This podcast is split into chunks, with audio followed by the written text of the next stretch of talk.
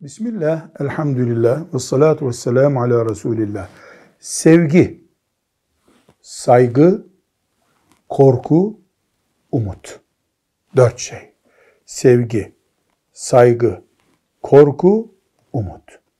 Bu dört şey ibadet dediğimiz şeyi ayakta tutar. Bu dört şeyin etrafında yapılan ibadet mümini şuurlu hale getirir. Mümin Allah'ı sever.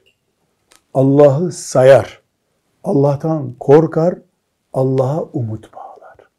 Böylece namazının anlamını yakalamış olur. Oruç ona zevk verir. Hac onu değiştirir. Bu mantıkla Kur'an okumak, Kur'an'ın adam ettiği insanların yaptığı iştir. Dolayısıyla ibadet Allah'a karşı sevgi, Allah'a karşı saygı, Allah'tan korkmak ve Allah'tan umut var olmak demektir. Velhamdülillahi Rabbil Alemin.